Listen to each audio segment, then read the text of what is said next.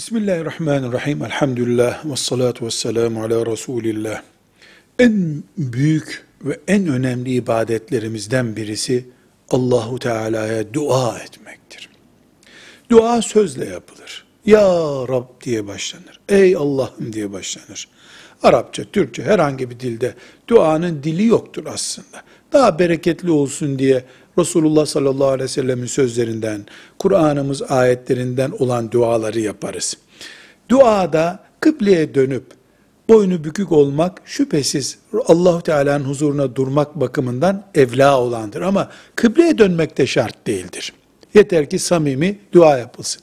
Ellerle ilgili duruma gelince elleri göğüs hizasına kadar kaldırıp şu şekilde tutmak duanın sünnetlerindendir. Dua ederken bu şekilde tutulmalı. Çok yukarı kaldırmanın e, sünnet olmadığını söyleyebiliriz.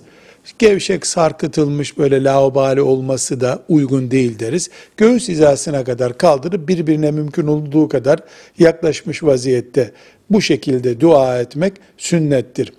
Ya Rabbi senden şunları istiyorum derken avuçlar yukarı doğru bakar.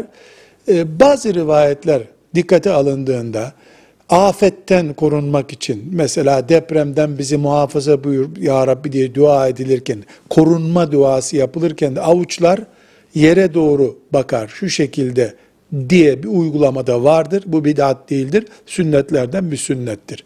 Velhamdülillahi Rabbil Alemin.